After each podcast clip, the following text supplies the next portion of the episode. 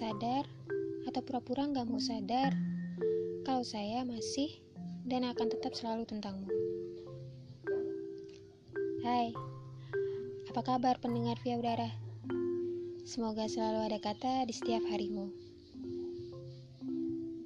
Langsung saja, sebermula semua, mari kembali berkenalan dengan saya di podcast Cantik Sumpah Ruang Kata.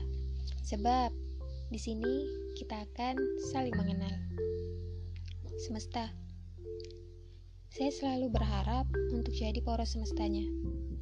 Tapi kalau dia mudah sekali melupakan, saya bisa apa?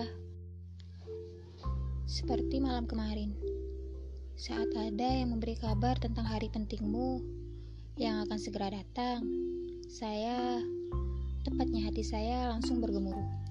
Seolah harus melakukan sesuatu untuk dirimu, walau itu hanya sekedar kalimat yang tersusun oleh kata.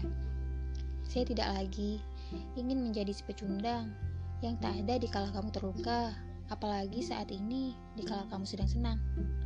Dengan segenap keberanian dan berbekal saran dari seorang teman, akhirnya saya berani mengirimkan pesan singkat yang hasilnya hanya sebuah tanda bahwa kamu hanya membacanya tanpa berniat membalasnya. Tinggi sekali ekspektasi saya. Harusnya dari awal tidak saya kirim pesan itu. Tapi lagi-lagi hati berkata lain. Dia katakan, "Tak apa, kamu pemberani." Salah ya, kalau saya masih ada rasa tentangmu. Saya nggak pernah ingin mau dan tahu sejak awal jika harus berabuhnya padamu. Beritahu saya caranya secepat kamu melupakan semua, karena sampai saat ini puzzle-puzzle kenangan kita selalu datang tiba-tiba dan sulit pergi. Tapi pagi tadi tiba-tiba pesan balasan dari kamu muncul dan membuat saya tersenyum bahagia.